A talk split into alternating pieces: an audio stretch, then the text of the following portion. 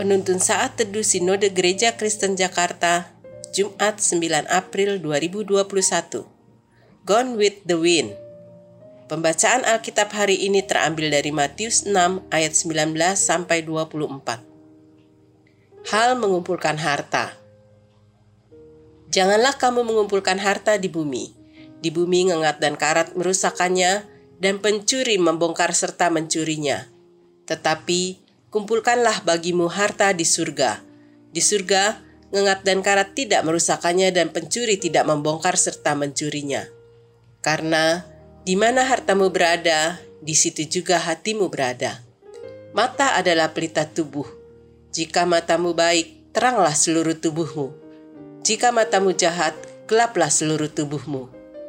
Jadi, jika terang yang ada padamu gelap, betapa gelapnya kegelapan itu. Tak seorang pun dapat mengabdi kepada dua tuan, karena jika demikian, ia akan membenci yang seorang dan mengasihi yang lain, atau ia akan setia kepada yang seorang dan tidak mengindahkan yang lain. Kamu tidak dapat mengabdi kepada Allah dan kepada Mammon. Gone with the Wind, Hilang Terbawa Angin, merupakan judul novel yang diadaptasi menjadi film pada tahun 1938.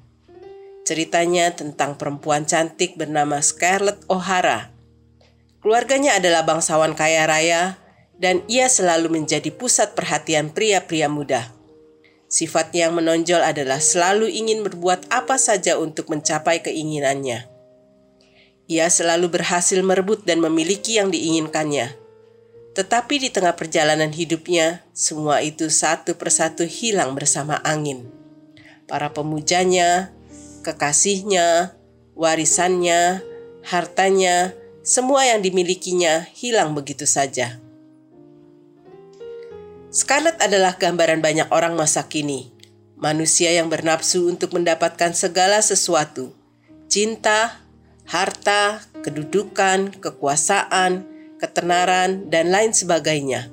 Setelah mendapatkan semuanya, manusia akan berjuang keras untuk menambahnya lagi dan lagi. Berbeda dengan Yesus, alih-alih mengumpulkan harta di dunia yang fana, Yesus mengajarkan bahwa ada harta yang kekal di surga. Dalam Matius 6, Yesus mengajarkan tentang prioritas hidup. Yesus berkata, "Di mana hartamu berada, di situ pula hatimu berada." Ketika harta itu hilang, sukacita bisa hilang juga. Sehingga Tuhan Yesus mengingatkan supaya berjaga-jaga terhadap dorongan untuk memperkaya diri. Sebaiknya Tuhan berkata, "Tetapi kumpulkanlah bagimu harta di surga. Di surga, ngengat dan karat tidak merusakannya, dan pencuri tidak membongkar serta mencurinya." Apa maksudnya mengumpulkan harta di surga? Artinya, kita harus mengutamakan kerajaan Allah Seluruh aspek hidup kita dasarkan pada kekayaan hikmat surgawi. Kita mengabdi kepada Allah dan bukan mamon. Apakah kita tidak boleh mengumpulkan uang selama di dunia?